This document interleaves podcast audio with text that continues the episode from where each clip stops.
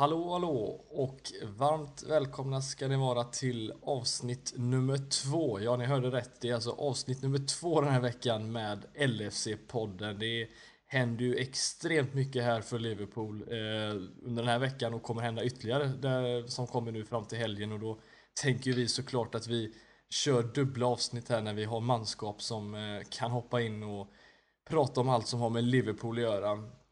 Eh, som ni hör idag så är Robin Bylund inte här och eh, det är jag Fredrik Eidefors som ska styra spakarna här tillsammans med Christian Andersson som, eh, ja, vi har, det var länge sedan du och jag tror vi alla har gjort en dubbelpodd tillsammans visserligen, men eh, det ska ju bli första gången någon gång i alla fall. Eh, hur är läget med dig? Det är bra tack. Det har varit mycket hektiskt det senaste. Mycket att göra privat. Men eh, en two-man show så här har jag inte varit med i innan. Så jag tycker att det är rätt så... Det är lite kul är det. Det är något nytt också. Det blir gött tugg. Det brukar det bli i alla fall när man blir två. Det blir som att man sitter och bollar till varandra i alla fall. Så vet man att om inte du pratar så pratar i alla fall jag. Så det är, det är lätt att hålla flödet uppe i podden eh, skulle man väl säga. Eh, Nästan så att man blir lite avundsjuk när ni andra har kört innan. Man känner så att man får prata väldigt mycket och prata om det man tycker om. Och ja, prata om i, i majoritet. Nästan blir lite för långa ibland när man sitter med vi, Som sagt, vi, du och jag ska väl hålla oss någonstans runt en halvtimme, 40 minuter här för att prata det som har hänt ganska nyligen men som framförallt kommer att hända nu till helgen igen då. Eh, men som sagt, innan vi kör igång det här avsnittet så ska vi påminna att vi kör som sagt den här podden i samarbete med LFC.nu då, som är den svenska officiella supportersidan eh, för Liverpool där, eh, jag vet inte hur många medlemmar vi är nu, men det är fruktansvärt många som, eh, som är delaktiga, som kan ta del av diverse tävlingar, medlemskap och nyheter och allt möjligt egentligen. Så att om ni inte känner till det, in där, kika runt och bli medlem för guds skull. Det är värt det, jag lovar er. Ja, Krille. Vi, eh, en liten speciell situation här kan vi väl säga. Det vi har mött Leicester en gång och ska möta dem en gång till. Eh, första gången som var nu i tisdags, då var ju i den fina Carabao Cup som det så fint heter, eller vad ska vi säga? Engelska ja. ligacupen om vi ska hålla oss till det klassiska då. Eh, det var ju en, vad ska vi säga, ett, ett, annat, ett annat lag, ett annat Liverpool vi fick se i alla fall starta den här matchen. Eh, höjdes det några ögonbryn när du fick se just laguppställningen som Klopp ställde ut på, eh, mot, eh, ja, på, på planen? Inte så jättemycket egentligen, utan det var väl relativt väntat tycker jag. Um, Även Flanagan som ytterback? ja, där finns väl kanske något. Men alltså grejen är att jag, jag ser väl ändå en sån här kupp som det är möjligheten att rotera lite och spara och liksom vila hit och dit och att låta andra få chansen också såklart. Eh, det är väl lite så, men eh, ingenting som direkt stack ut som jag blev jätte, eh, jättechockad av om jag ska vara ärlig. Jag vet inte riktigt vad du tycker, men eh, jag känner inte det i alla fall. Nej, alltså det som jag gjorde mig rätt glad får jag ändå säga, för att eh, vi ska komma ihåg att vi, Klopp har ju varit ute och sagt att han tänkte inte göra sig av med, med Ward som det verkar i alla fall och honom fick vi ju se i mål här. Eh, som sagt, vi har ju haft tre stycken målvakter nu som spelat de, spelat de tre senaste matcherna, vilket är jag vet inte om det har hänt förut överhuvudtaget, men eh, det var väl egentligen rätt kul att få se några av de här spelarna från start, framförallt Ward tänker man på. Eh, Oxlade Chamberlain eh, var ingen, visserligen ingen chock, men och sen som vi har pratat om och som de nämnde i podden tidigast eh, här i, i måndags, Joe Gomez som mittback. Det är ju något vi har faktiskt fått eh, frågat efter och det fick vi faktiskt se den här gången. Hur eh, gjorde han ifrån sig ungefär så som du tyckte han skulle göra när det kommer till att det är en, en, en mer atletisk ytterback än vad vi, eh, eller eller mittback än vad de andra vi har som, eh, som eh, spelar som sagt. Jag personligen gillar ju Gomes och har egentligen gjort det sedan han kom till Liverpool. Jag tyckte att när han fick spela sina första matcher som väldigt ung under Brendan Rodgers så tyckte jag att han gjorde det fruktansvärt bra sett till sin ålder. Eh, kändes som att han hade rutin. Han, man märkte att det fanns en talang, att han var mogen i sitt spel. Och sen har han ju haft de här skadorna som hämmat han lite. Men jag tror att fram lite mer tid och komma in i det så tror jag att vi har en väldigt stark mittbackskandidat framöver liksom där i, i Liverpool. Och jag är glad att han fick spela mittback för jag tyckte att det fanns tendenser som visade att det, där är hans position där han kommer vara. Ehm, vi kommer ju prata försvarsspelet generellt såklart i den här podden. För det är ju någonting vi återkommer till jämt. Men jag gillar att se honom som mittback. Jag är positiv till det jag såg av honom som mittback. Ehm, Oavsett försvarsspelet i sin helhet. Så jag ser ju att det finns någonting hos honom som jag gillar och jag kan dra de här parallellerna som jag gjort förut. Det här med att många har jämfört honom med en ung Rio Ferdinand. Även om det kanske inte är helt, helt samma så eh, det finns någonting där som lockar mig och som kan se honom som en framtida stormittback i Liverpool om hans utveckling fortsätter. Så jag tycker det var jättekul att se honom som mittback. Mm. Nej, men det, framförallt är det väl det att vi, vi har en det är ingen ordentlig speed som våran backlinje besitter egentligen och jag tycker att han, er, alltså han erbjuder en helt annan typ av modern modern typ av eh, spelare egentligen. Framförallt att han är rätt som jag sa atletisk, snabb, eh, stark har han ju blivit framförallt efter skadan verkar som att han har bulkat upp sig ordentligt. Eh, mm. Så det känns som att det är, det är, en lite mer modern mittback vi har framför oss och jag hoppas verkligen att vi kommer få se honom mer och vi kommer komma till, eh, fram nu till nästa match som kommer här också eh, hur situationen är för mittbackarna men det känns ju inte som att det är helt omöjligt att vi faktiskt kan få se honom på lördag här igen.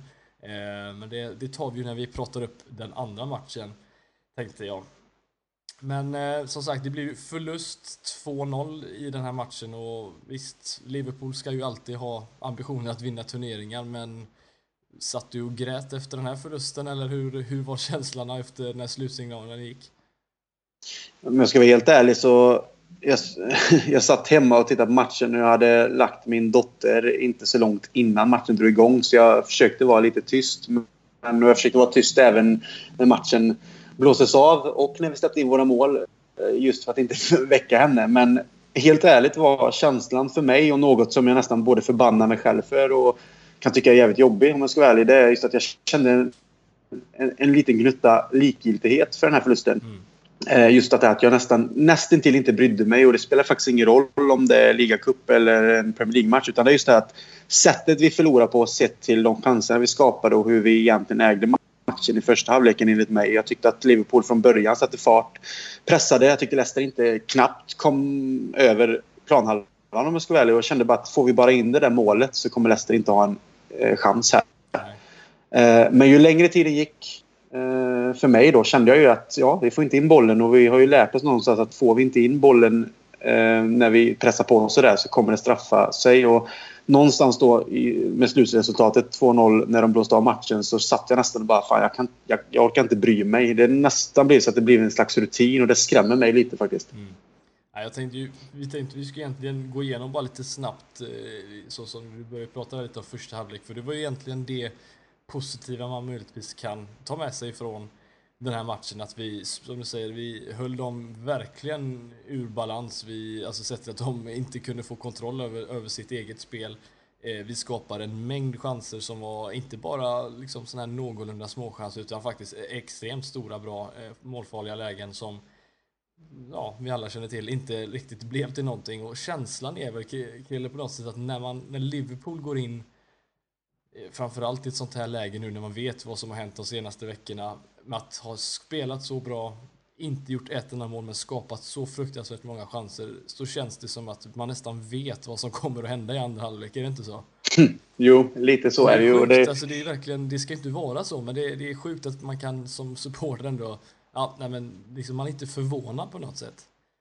Nej, men man, sitter, man sitter nästan och säger till sig själv att få in den här jävla bollen nu för det kommer straffa sig. Man nästan har det som ett mantra i sitt eget huvud om man inte säger det högt. Att trycka in en boll så att vi får övertaget. För om vi inte gör det så vet vi att det andra laget får en chans och då sitter bollen. Mm. Alltså vi är nästan, det är nästan lite obehagligt tycker jag. Liksom man blir nästan, det är just den här, därför den här likgiltigheten någonstans. När Leicester gör mål infinner sig man bara, ah, vad var det jag sa till mig själv? Typ. Nu hade jag ingen att säga det till. Jag satt inte med någon och tittade på matchen utan jag tittade själv. Men man, man hade önskat nästan man kunde titta på dem och bara, ah, vad var det jag sa?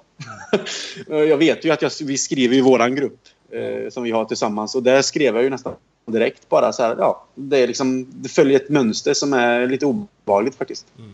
Ja, för det var ju just sättet vi, vi skapade chanser på. Det var ju, vi fick ju se, som vi nämnde inte här nu, men Robertson är tillbaka på vänsterplatsen. Eller mm. vänsterbacksplatsen. Eh, visar ju gång på gång när han väl har tid på bollen att han, han har ju en fruktansvärt fin vänsterbok, äh, vänsterkrok och vänsterfot för den delen. ja. Vänsterkrok på foten alltså. Äh, men äh, det väl framförallt att vi, vi har inte den här killer liksom poachen inne i straffområdet som som står för de där målen när vi behöver dem. Och visst, Solanke tyckte jag ändå gjorde väldigt bra ifrån sig under hela matchen. Eh, bra target, eh, visar sin speed och styrka och alltihop. Men det är just den där lilla final touch på, på bollen som, som saknas. Annars så leder vi väl den här matchen med 3-0 egentligen i halvtid och det är väl det som frustrerar en så mycket när man sen går och lägger sig och vet om att man precis har förlorat med 2-0 istället och det är ju det är den där andra halvleken som, som, som förstör lite men eh, vi tar ju ut Coutinho i andra halvlek. Eh, vad, vad, tror du Klopp, vad, vad, hur var hans tankar där? Alltså, är det bara för att vila upp honom inför vad som ska komma skall och att Liverpool löser detta sett till hur första halvlek såg ut? Eller vad, vad, tror du gick i tankarna hos honom där? Jag vet faktiskt inte om det... Alltså, jag tycker det är jättesvårt att svara på. För personligen hade jag velat se honom fortsätta spela sett till att han någonstans visade det här han kan. Liksom. Han hade skott på mål, han vrickade hitåt och ditåt och deras försvar hängde inte med alls. Han skapar ju chanser. Och när man skapar chanser så till slut kommer ett mål, särskilt med en spelare som Coutinho då. Men Klopp tar ut honom och jag vet inte om det är för att vila honom för Premier League eller om det är att han har känningar av något slag eller vad det är egentligen. För jag kan inte riktigt se varför om jag ska vara ärlig. Mm. Om jag personligen bara får se på det. Men det kanske är någonstans ja. inne att Klopp inte heller är lika förtjust i, i vad, vad Carabao Cup står för. Jag vet inte, det känns som att det inte läggs så mycket fokus. Men Samtidigt är det rätt jobbigt att se det när man kollar dagen efter då. Man ser United går och piska sitt lång med 4-1. City hade visserligen svårt mot West Bromwich. Arsenal går och vinner. Chelsea går och vinner. Och så till och med lilla Everton går och vinner och vi går förlorande i duellen. Eh, ja, visserligen men, men... ett bättre lag, men just ändå att de går ändå vidare det här trots att de inte spelar sitt bästa lag. Ja, och vi ställer inte upp med ett blåbärsgäng heller. Liksom. Det är många bra spelare i den här startelvan och vi möter Leicester som... startar till exempel. Du har en Oxlade Chamberlain, du har Coutinho. Det, det ska ändå hända någonting kan man väl ändå tycka. Absolut. Jag menar, och vi möter ändå Leicester. Okej, okay, all respekt till dem. De vann Premier League för två säsonger sedan, så ingen konstigheter där. Men det är liksom... Vi ska, vi ska ge en match och det tycker jag absolut att vi gör under första halvlek. Och det är det som är grejen här. Jag kände ju att det här finns liksom... Leicester kommer inte ha en chans om vi fortsätter så här och vi gör ett mål. Då kommer musten liksom... Eller vad säger man? Liksom, luft, luft, musten. Luft, ja, luften går ur dem liksom. Även den här beryktade julmusten. Eller påskmusten. Men, men det är liksom det här att vi lyckas inte göra det här målet. Och jag tycker att du nämner det väldigt bra där. Eh, att eh, Robertson hade ju, han har ju en fin vänsterfot. Jag tyckte att många av hans inlägg var väldigt, väldigt farliga. Men det är just att vara där på plats i den ytan där bollen kommer. För bollen kommer in så där bra mellan back och målvakt. Målvakten inte kan komma ut och backen måste försvara mot sitt eget mål. Men vi har ingen som är där som en, vad ska man kalla det, en, en, en striker som är som en killer i boxen som bara är där med huvudet eller trycker dit eller sträcker ut en fot liksom. Um, så där är också en grej att jobba med. Men gå tillbaka då till laget vi hade som du sa det med Henderson och detta så... Ja, jag vet inte liksom. Det tar ut Coutinho och... Jag tycker bara att i det här fallet att Klopp gör fel helt enkelt. Jag vet inte vad du tycker. Men jag tycker att fortsätt spela Coutinho. Har han en känning av någonting, givetvis, då ska man ta ut honom. Man ska inte riskera att det blir skador. Men Nej. jag fick inte den känslan liksom. Nej, alltså jag hade väl hållit kvar honom fram till minut 60 liknande och se om det hade hänt någonting och kanske därefter gjort någonting. Men kanske inte just i halvtid. Men. Det, han, han, har säkert någon tanke bakom det. Och, eller så vill han se någon annan glänsa. Eh, var ju visserligen dags kan man nästan tro att eh, Oxlade Chamberlain skulle ta vara på den chansen nu. Men Eh, för de som inte har sett matchen så har de väl antagligen sett en liten eh, två minuters eh, video på hans framträdande mot just Leicester och det var ju inte direkt några vackra scener, eh, visserligen när man klipper ihop det på det sättet, men det var en ganska, var en ganska tung kväll för eh, Oxlade Chamberlain måste man ändå säga.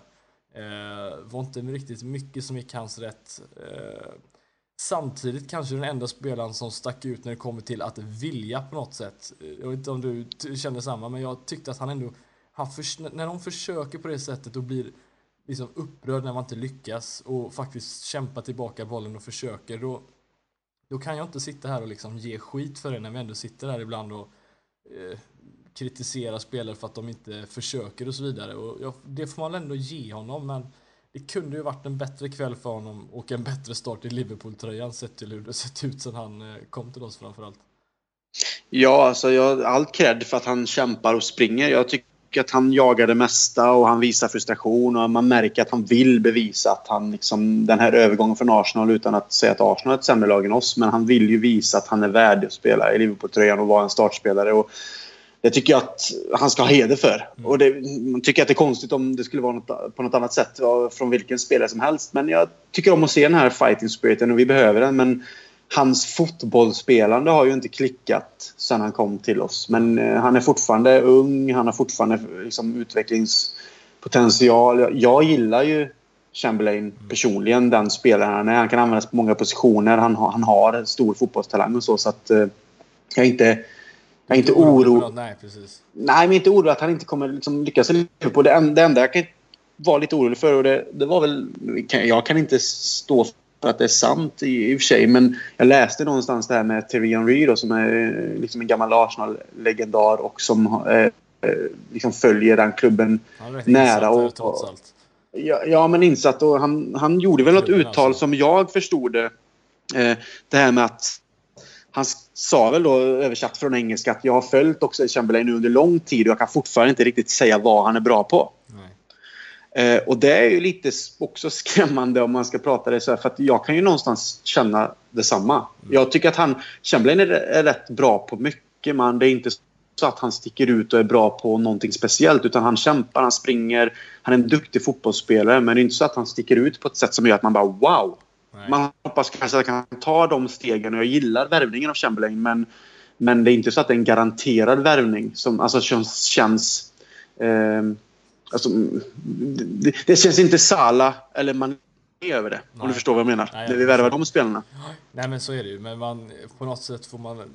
Det är ju som sagt det är, det är så pass färskt. Han kommer ändå in också i ett fruktansvärt jobbigt läge får man ändå eh, komma ihåg att liksom för ett Liverpool som visserligen precis har piskat honom med 4-0 eh, och för att sedan byta och förlora betydligt desto större och eh, kryssa och så vidare. Men nej, jag, jag, jag får ändå låta honom ge honom lite tid, men eh, det såg inte jättevackert ut, det får vi ju säga. Han, han såg väldigt kantig och väldigt eh, dålig ut i, när det kommer till att ta rätt beslut. Men eh, ja, vi, vi kanske får se en helt annan spelare när, när Liverpool får spelet att klicka igen. Så att, jag tror absolut han, ja, men jag tror att han absolut kommer bidra och jag tror att det kommer bli bra. Men jag, han är en ny spelare och som jag personligen är så tycker jag att alla spelare som kommer till en klubb ska få en viss tid att bevisa sig. Det är en ny miljö, det är helt nya träningssätt, liksom det är en ny manager. Alltså det, det, tar tid. Det är som att du börjar ett nytt jobb. Liksom. Det tar ett halvår, ett år innan du kommer in i rutin. Och jag tror absolut att det fungerar sam, på samma sätt inom en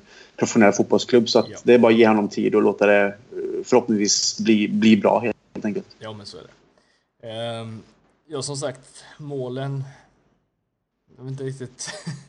Ehm, det kändes som en sån där liten déjà vu det, nej, nästan när man, när man såg den här, framförallt jag tänker på 1-0 målet. Eh, 2-0 målet är, en, är ett fint avslut så sett, men vi har ju pratat så mycket, alltså det är nästan tröttsamt att säga det i podden att vi har pratat om tidigare och så vidare. Men det här med att bollen alltid dimper ner hos en spelare som är på något sätt lyckas få, få, få in den här bollen med hjälp av liten, liten touch. Eh, mittfältet, försvarsspelet, var vill du börja Krille? Det, vi har fått lite frågor om det liksom, så vi kommer ju ta, blanda in det med, men 1-0 målet som Okazaki gör, det, det känns väl rätt Liverpool-aktigt att släppa in det här målet på det sättet framförallt. Eller vad, vad, vad, hur går dina tankar kring, kring vårt eh, försvarsspel för tillfället? Ja, och det är ju, jag håller med. Det, det känns väldigt eh, typiskt Liverpool. Det Liverpool som vi har sett eh, senast i alla fall och som vi känner igen från vissa stunder eh, sen de förra, alltså föregående säsonger, tyvärr. Mm. Men det är ju en, det är en boll som dimper ner rätt.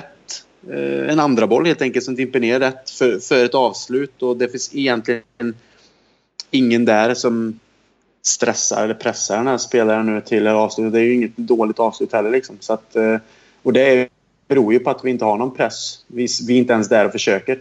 Mm. Så det, det, är frustrerande, för det är som du säger, det, det känns igen eh, från tidigare, tidigare mål vi släppt in och det är ju det som gör att man blir så jävla irriterad. Mm. Alltså det är ju, vi, mitt, mitt, mittförsvaret har vi ju diskuterat x antal gånger. Vi, en intressant grej, som du säkert sett det också, är, vi får ju mycket frågor på Twitter men den här gången hade vi ju fått en, eh, en ordentlig kommentar, snarare ett, ett inlägg kanske vi ska kalla det, från Niklas Park som skrivit till oss på Facebook. Det, så där kan du även hitta oss och inte bara på Twitter såklart. Ett väldigt, väldigt intressant inlägg vill jag påpeka. Jag ja. tycker det är en intressant fråga, så fortsätt. Det diskuteras kanske inte lika mycket rent eh, vi pratar mycket spelare, men just frågan i sig, han, Niklas påpekar i alla fall att alltså, är inte behovet av en defensiv mittfältare egentligen lika viktigt för Liverpool då, eh, som en mittback? Eh, och då pratar vi som sagt eh, Jordan Henderson som främst nu då står för den där positionen i en, i en, vad ska man säga, en omvänd triangel med en sittande och två lite mer offensiva mittfältare då.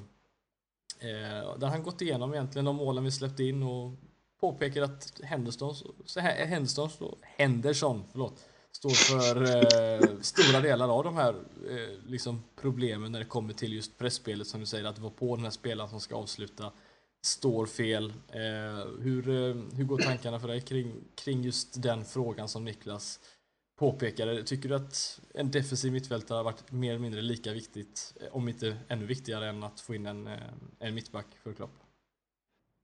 Jag tycker fortsatt att en mittback eh, är vitalt. Vi behöver en ledargestalt tillbaka som styr eh, försvaret. Och jag menar, man kan, Matip är ju den som man helst lägger sitt förtroende hos och Lovren har man ju haft förhoppningar till.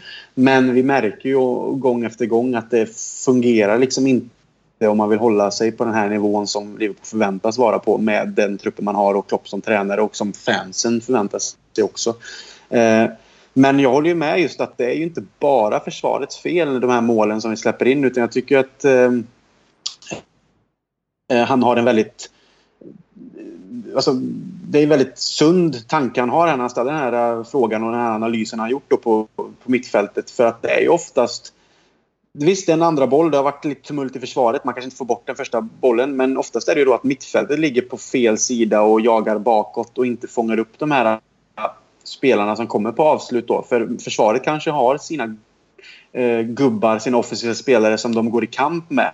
Men det är klart, alla dueller vinns inte helt, alltså helt klart om man säger det så. Så att en andra boll kan ju dimpa ner i ett område som är farligt. Och då är det ju faktiskt mittfältet som ska vara någonstans i närheten eller på plats för att försöka undvika detta. Och just så mot Leicester, det målet vi ser, 1-0 målet där, är ju en sån boll där ingen av mittfältarna finns egentligen i närheten eller är på rätt plats. Och Sevillas 2-0, 2-2 mål. Eh, likadant, alltså det är ett inkast vi pratar som liksom går förbi fler, alltså ett helt mittfält och där har du en defensiv mittfältare. Och i detta fallet vill vi ju faktiskt inte hänga ut Henderson bara rakt av utan vi pratar rent positionsmässigt nu. Alltså vi har en mittfältare, en defensiv mittfältare som inte som hamnar på fel sida och det är ju ruskigt farligt eh, i just den positionen. Ja, ja, och Burnley är ju egentligen likadant där då. Ja. Uh, för det är ju det här målet i straffområdet, precis i straffområdesgränsen om man säger så, där det kommer ett avslut. Och det är ju, visst, i det här fallet så är det ju lite problem mellan mittbackarna och man går upp på samma boll och allt det här. Men någonstans så dimper den ju ner i ett område där man känner att någon av mittfältarna kanske borde uh, uh, finnas då i, i närheten. Men Ja, jag tycker liksom så att Henderson, om vi diskuterar det, och jag var väl kanske då nu Robin i sin senaste krönika på lse.nu som man kan gå in och läsa också som är väldigt eh, mm. kanske både viktig och sund och uh, intressant att läsa är ju det här att Henderson som vi såg honom i Diamanten under Rodgers med sitt pressspel och de här uh, direktpassningarna in i straffområdet och avslut. Den spelaren är ju också någonting som jag saknar. Henderson som den spelaren var ju otroligt bra enligt mig. Men som defensiv mittfältare har han ju haft sina, han har haft sina stunder med statistiskt sett. Han har haft passningsprocent, vunna tacklingar och hit och dit. Men, och det är ju problemet det, lite också. Att, att man stirrar sig blint på att han har i början av precis. säsongen riktigt bra passningsstatistik. Men det ser inte bra ut. Det är ju det som är det problemet och det är väl där eh, Twitterpolisen oftast kommer in och, påpekar att men kolla här nu eh, här har han liksom bäst passningsprocent. Ja, men liksom var fjärde boll slänger han bort i sin passningsprocent, vilket är helt bedrövligt för en defensiv mittfältare. Och det är väl lite där eh, som Niklas också kommer in på, just att den positionen är för, för försvaret även kanske en extremt viktig kugge för att få hela eh, försvaret att fungera. Ja, jag håller med där. Alltså, jag menar att den här statistiken är fine, men jag menar att vi, vi kan ju alla se att det, vi når ju inga resultat just nu. Och det, har väl vi ska inte som du säger hänga ut Henderson fullständigt, men det är ju fortfarande, det är fortfarande hela mittfältet. Men han har ju ändå den defensiva positionen. Och, eh, jag tyckte ju då att...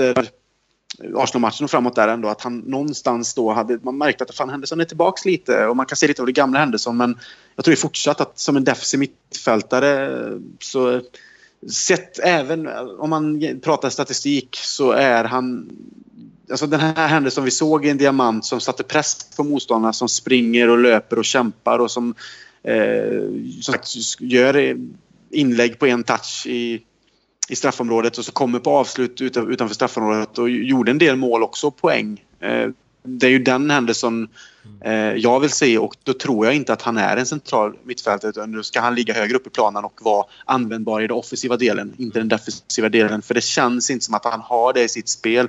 Det kan vara så att han utvecklar det under, under en längre tid men jag tycker inte att Liverpool som lag har tid till det utan vi behöver en mer präglad defensiv mittfältare som oftast ligger på ja, alltså 99 av 100 gånger ligger på rätt sida bollen i försvaret. Liksom, för det är lite så det är. Liksom, man, man kan se många sådana spelare och Henderson känns inte som att han riktigt har det positionsspelet. Han har många andra kvaliteter men jag håller med han, eh, Niklas Park där att det ligger inte bara i det centrala mittbackspelet eller försvarslinjen utan det ligger faktiskt på mittfältsspelet också att det ser ut som det gör och det hoppas jag ju att eh, det kommer åtgärdas också. Mm.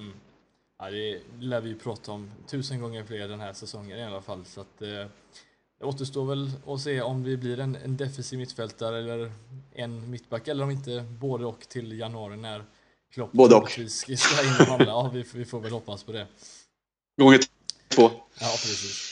Ehm, men ja, som sagt, ut ur Carabao Cup. Eh, det är ju egentligen bara att blicka framåt eh, den lilla stunden vi har kvar här av avsnittet och prata det som komma skall. Och det är ju på lördag där vi återigen åker mot Leicester och spelar dem mot dem, fast den här gången i Premier League.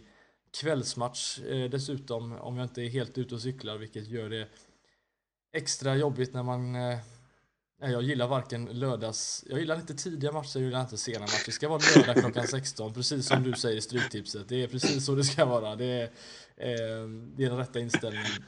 Men eh, hur, hur, tror du tankarna går där då? Vi var ju en, en extremt... Ja, det var rätt många eh, förändringar i truppen. Vi kommer få se ett mer ordinarie Liverpool likt det som spelade mot Burnley visserligen, eller möjligtvis. Eh, tror du på några andra större förändringar? Det är som vi ska tillägga innan du får gå vidare här, förlåt, det är ju att Matip och Chan har fått smällar eh, och är tveksamma. Lovren tränar inte och, och är därför tveksam också då till helgen. Och med mm. den vetskapen, Krille, vad eh, hade vi behövt en mittback, men vi, vi ska inte prata mycket mer om det. Men eh, hur tror du Klopp, eh, ja, hur går tankarna här? Vad, har vi en tillräckligt bra trupp för att åka dit och smälla till dem och få revansch? Det tror jag att vi har, eh, absolut. Men, ja, men nu står vi ju här igen med den här frågan då just att Lovren tränar inte, tveksam. Matip eh, har känningar då från senast och, och vi, vi vet inte Chan som är en potentiell ersättare i mittbacksförsvaret vid eh, kris har också en smäll. Eh, här står vi ju då helt enkelt utan våra egentligen då, om vi ska kalla det ändå någonstans våra två ordinarie mittbackar. Så att kommer de inte till spel så är det väl antagligen Enklavan och Gomes som senast som vi får se. Eh, enligt mig håller inte det för att vara med i en topp av Premier League. Jag säger inte att Matip och Lovren gör det heller, men det är enligt mig bättre. Eh, Gomes förhoppningsvis då. Det är långt ner i näringskedjan med dem alltså. Det inte... Ja, det är det med Gomes med en framtid och allt som vi pratat om. Fine liksom. Jag ser ju gärna honom fortsätta spela någonstans. Att han faktiskt får förtroende och etablera sig och visa vad han kan. För det tror jag att han har. Men, men det tar ju tid och det är också en risk. Men nu ser vi här att vi... Ja, en mittback i, i somras hade ju varit det som vi faktiskt behöver. Och vi har ju pratat om det innan. De här skadorna på mitt, våra mittbackar som vi har sett tidigare vet vi kommer komma tyvärr. Och det, är liksom, det är inte det här stabila Hyppie Henshaw längre som spelar i... Känns som de spelar i en uh, halv livslängd. Liksom. Men för nu är det skador på de här spelarna och nu står vi här. Och jag tror säkert att Klopp har koll på hur han ska försöka lösa detta. Men det försvagar oss tyvärr. Um, annars... Ja, flikar du in? Nej, jag säga, om jag säger så här då, att, att vi släpper in färre mål och vinner fler matcher när Lovren spelar. Det, det är tydligen statistik som ska stämma, vilket känns... Då, då, då är liksom, det är väl ja. det man säger om man då drar slutsatsen är att det är alltså, han spelar alltså inte troligtvis och då har vi alltså en Klavan som gör att vi släpper in mer mål, vinner färre matcher och det är han som ska starta eh, tillsammans med Gomes troligtvis då. Eh, känslan där är väl inte just hundraprocentig och har väl inte varit det under säsongen heller. Men om det är någon gång de ska spela tillsammans två matcher i rad så är det väl mot samma motstånd igen så att man, de förhoppningsvis har lärt sig någonting från, från senast och det är väl det vi får eh, sitta och be för i så fall. Eh, betyder väl möjligtvis då även om eh, Chan är borta att vi får se en potentiell Coutinho i mittfältet och vad tror du om en Solanke eller Sturridge eh, uppe eh, i anfallet? Det känns väl ganska troligt. Ja, alltså, jag, jag gillar ju Solanke. Jag, tycker att han, jag gillar honom för att han är direkt i sitt spel. Jag tycker han hotar med sin fysik. Eh, huvudspelet har vi ju sett i försäsongen. Jag tycker att han är kvick. Han är... Eh, alltså det känns som att han går rakt. Det är inte så att det, liksom, det ska inte hålla på och trollas och grejas. Utan när han får en, en, en boll och eh, oavsett om han behöver försöka vända bort en försvarare eller trycka sig förbi så försöker han komma till avslut. Och det tyckte jag att man hade så mot Leicester också när han spelade. Jag, jag gillar honom. Jag tror att han har en potential att bli en riktigt, riktigt bra striker faktiskt. Eh, en sån som kan göra många mål faktiskt. Men eh, Sturridge, han har ju också en förmåga att trycka in bollar när man nästan minst anade. Han har ju ett eh, fruktansvärt bra målsinne men han har ju tappat lite. Jag, jag blir inte lika exalterad längre när jag ser Stavic i startelvan. Alltså när jag ser hans namn. Jag blir inte det här som det var den säsongen när han hade en grym säsong tillsammans med Suarez. Och då kan man tycka vad man vill om det här partnerskapet och den formen som Liverpool visade upp då. Eh, om det bara gick, var liksom en go with the flow-grej. Men då var man ju liksom...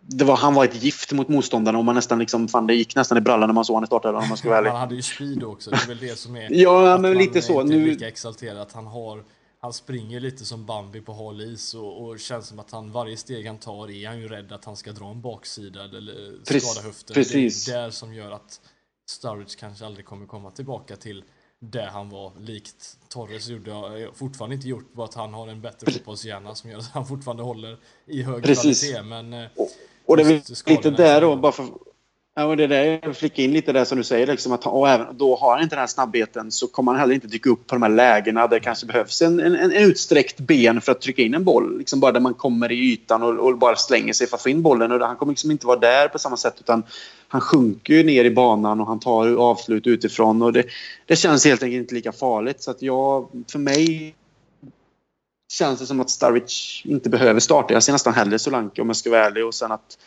tyvärr på ett sätt att Sturridge fasas ut lite från det här laget, enligt mig. Mm. Sen kanske han är kvar och han kanske kommer göra många viktiga mål om han ändrar sig. Men just nu känner jag inte att, eh, eh att han är ett sexigare namn än Solanke för mig i en startelva. Om det skulle vara så. Nej, Nej men det är, det är som sagt, det är inte, det är inte fullt med alternativ. Vi fick ju se en eh, Danny Ings komma in och, och spela också så att det eh, kanske möjligtvis kan vara en bänkplats för honom men det känns som att han behöver fasas in även han på samma sätt som Solanka har behövt göra så kanske inte får starta än så länge i alla fall. Men om vi, alltså, finns det någonting, även fast det är då en, en kupp eh, som vi spelade senast mot Leicester, eh, ett försämrat lag därefter, som du ändå känner att det här kan vi ta med oss ifrån eh, den matchen just för att eh, ja, se om det finns några positiva delar?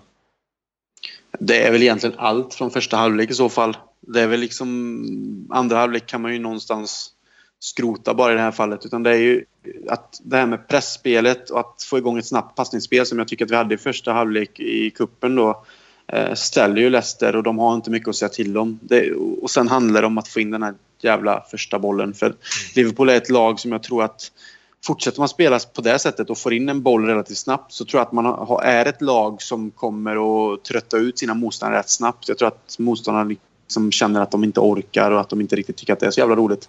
Men det är problemet då att göra det här målet för jag, jag ser inte heller att vi har den här striken som gör de här målen som man kanske kan se en Agüero göra. Nu är Agüero en exceptionell spelare men Lukaku också är nöjd. Alltså, någon som man ser, bara man kollar livescore när något annat lag har gjort mål så är man fan 90 säker. Man vet att det är liksom den spelaren som har gjort ett eller två av de här målen om det står 2-3-0. De finns alltid med.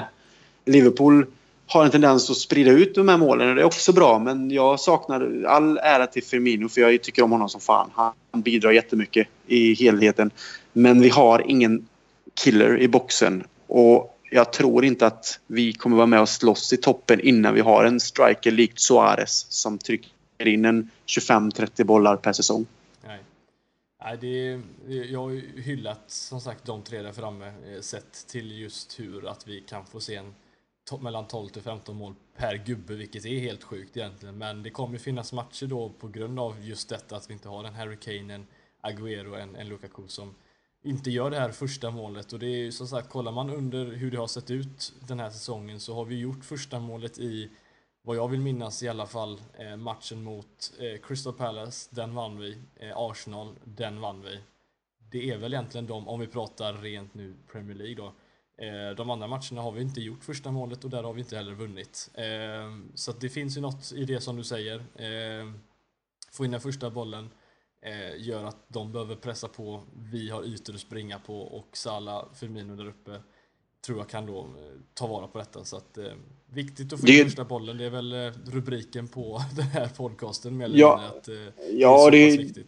det gör det ju heller inte lättare med att man är inte med. Liksom. För han är ju en spelare som tillsammans med Salah skapar så mycket yta för andra också. Sen att han är målfarlig själv. Han kan ju göra de här målen själv, det har vi sett. Liksom. Det vet vi. Men nu är han inte med och då får man skapa andra alternativ. Och, ja, sådana spelare som är avstängda som Mané som är så pass bra, de gör ju väldigt, väldigt stor skillnad också. Så det, det, det, är ett stort avbräck för oss. Liksom. Även om vi har fullgoda ersättare så är det ändå liksom ett stort avbräck.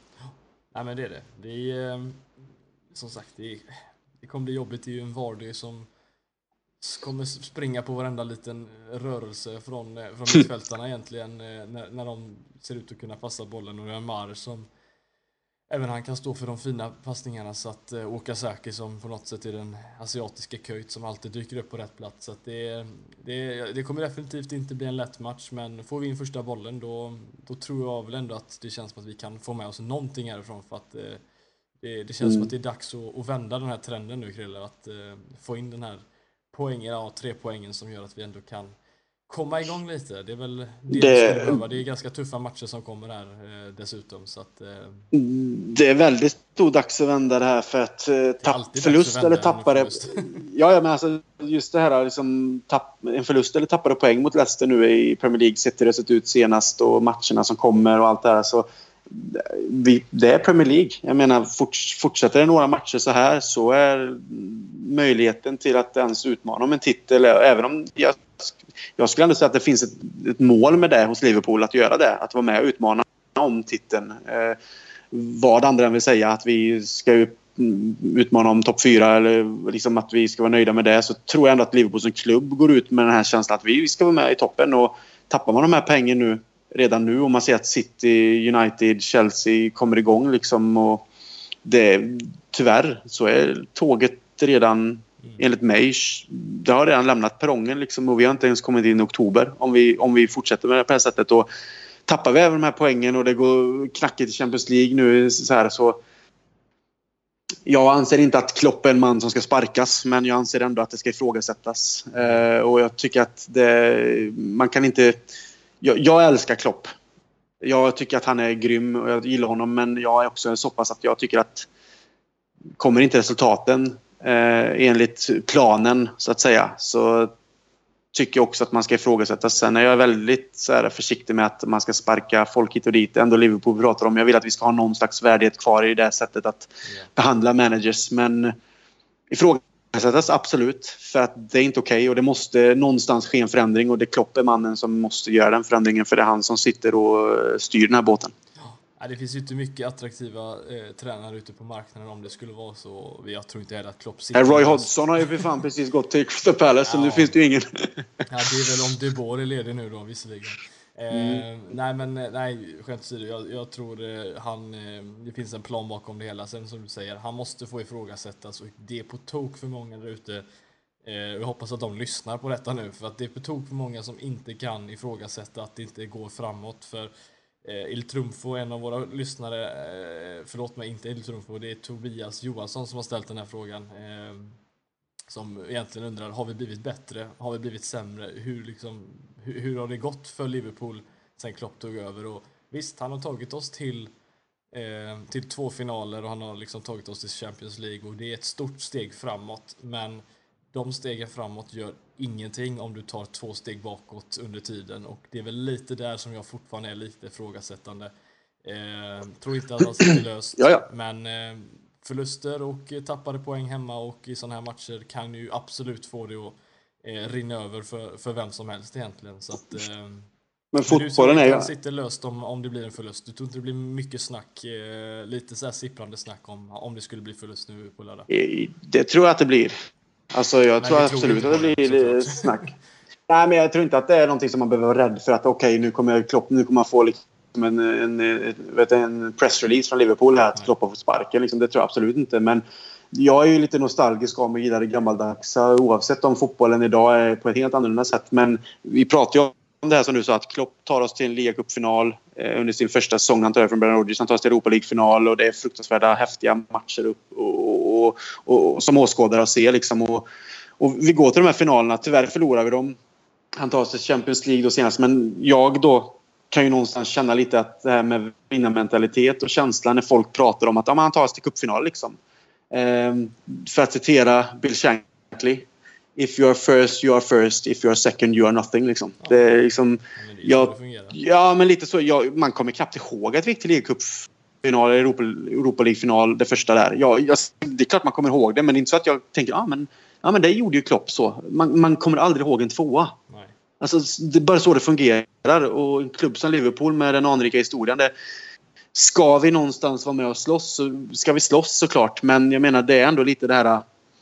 Det är en slags mentalitetsfråga. Jag menar, ah, ta oss till en final. Men ska man vara nöjd med det då? Nej, man ska fan vinna finalen. Mm. Kommer vi tvåa så går jag och grämer mig hur länge som helst och mår dåligt över det. Ja. Um, Nej, så det, att, det är eh, vinnare som finns med i historieböckerna och det är väl dit ja, ja. ska ta som sagt. Så, att, eh, så den dagen så Klopp, så. Ja men det är lite så. Så den dagen Klopp tar oss till en fan förhoppningsvis en Premier League-titel liksom, eller en, en, en cuptitel. Då är då han börjar eh, ställa sig i skaran till de här managers som har tagit titlar. Mm. Och det är, det är det jag vill. Jag önskar med hela mitt hjärta att det blir så. Men, men som det ser ut nu så är vi långt ifrån fast vi hade hoppats att det hade tagit steg framåt för han har ändå fått rätt så mycket tid nu och det är därför jag tror att han blir ifrågasatt lite också. Han har fått relativt lång tid. Jag tycker han ska få mer tid. Det är ett projekt som tar lite längre tid och det är lite så Liverpool fungerar. Jag har full förståelse för det. Men det är dags att det börjar gå åt rätt håll och inte ta steg bakåt. Mm, som vi pratar försvarsspel, vi pratar lite annat också. Det är där det börjar vara så att vi måste börja se resultat i de delarna annars så eh, kan det bli lite eh, problem känner jag. Mm.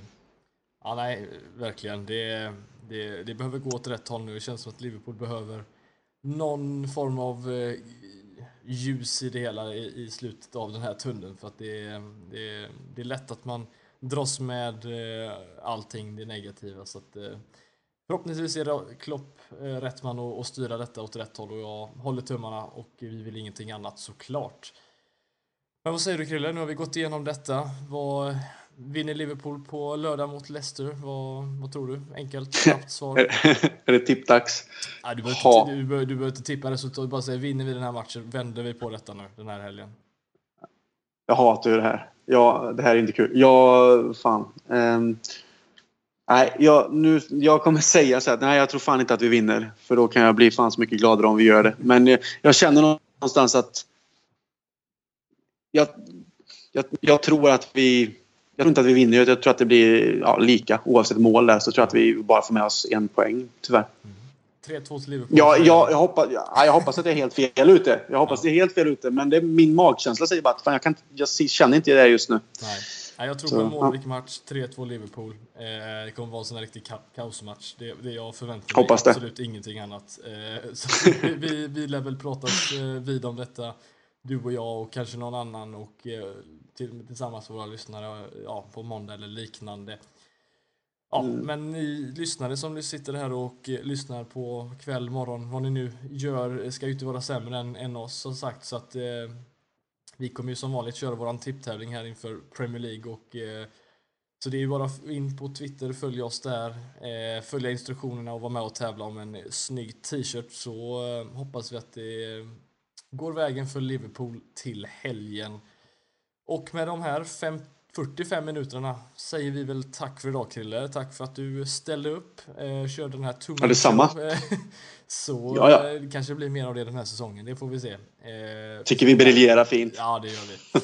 Men eh, med detta så säger vi tack så jättemycket för att ni har lyssnat. Eh, återigen vill vi påminna om att vi gör detta tillsammans med LFC.nu så att in där och eh, besök sidan, bli medlem och eh, bli en av oss så eh, tror jag allting löser sig i slutändan.